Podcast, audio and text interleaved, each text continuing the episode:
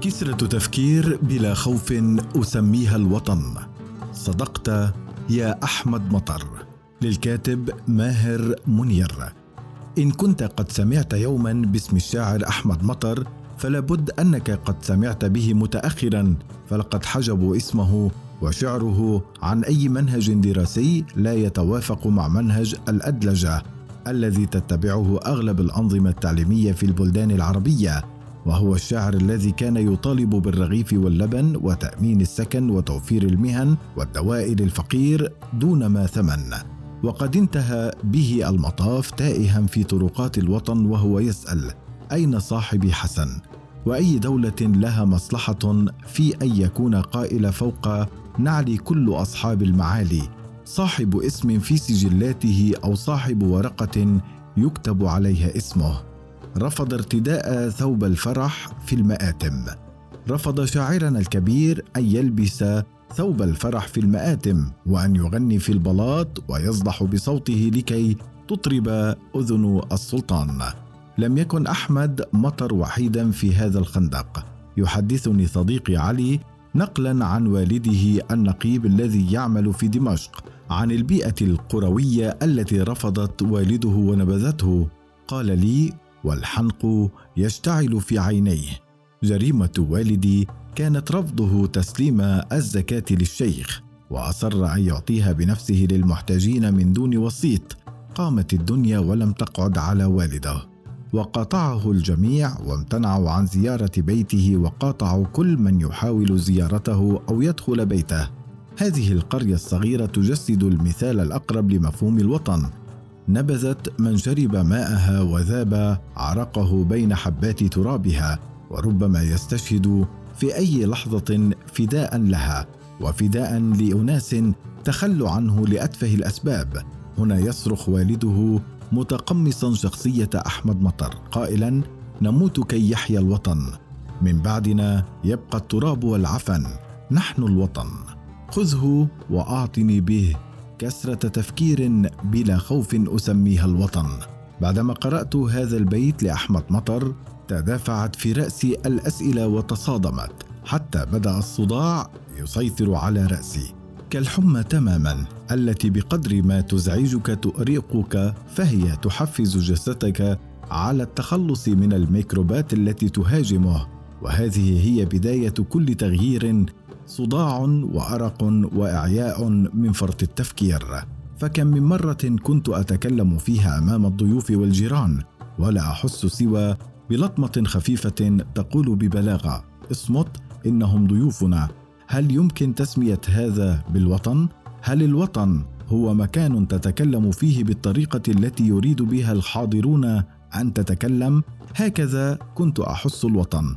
مكان تقولب فيه ذاتك لتتماهى مع ما يحيط بها من نسخ مكررة. نعم لقد صدقت يا أحمد مطر. كسرة تفكير بلا خوف أسميها الوطن. في أثناء عملي في المشفى يدخل شاب في العشرينيات من عمره وكان شعره طويلا بعض الشيء وفي نهايته ربطة صغيرة. بعد علاجه وخروجه تنفخ الممرضه الهواء من صدرها قائلة رابط شعراته ومسمي حاله شاب.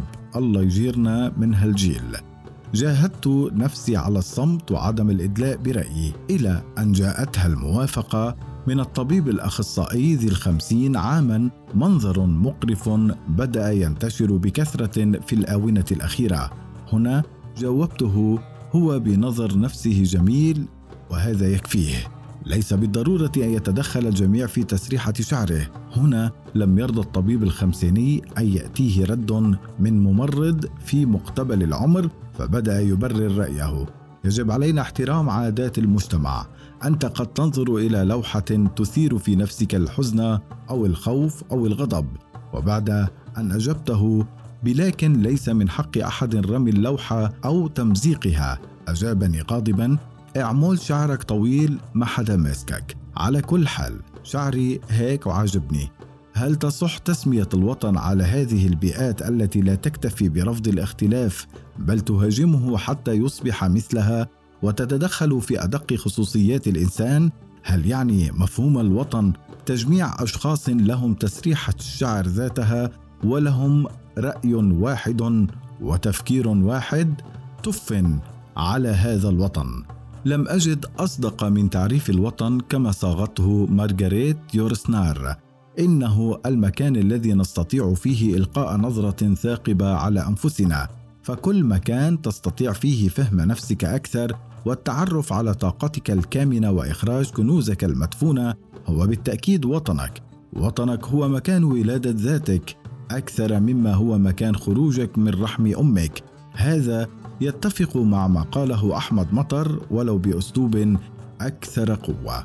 تف على هذا الوطن وألف تف مرة أخرى على هذا الوطن إن لم يكن بنا كريما آمنا ولم يكن محترما ولم يكن حرا فلا عشنا ولا عاش الوطن. والسهم لولا فراق القوس لم يصب. أصبحت أعرف تماما أن الوطن هو نقيض الخوف والحاجة والكبت وإن لم تتوفر هذه الشروط فما علينا سوى بما قاله الإمام الشافعي ما في المقام الذي عقل وذي أدب من راحة فدع الأوطان واغتربي إن رأيت وقوف الماء يفسده إن سال طاب وإن لم يجر لم يطب.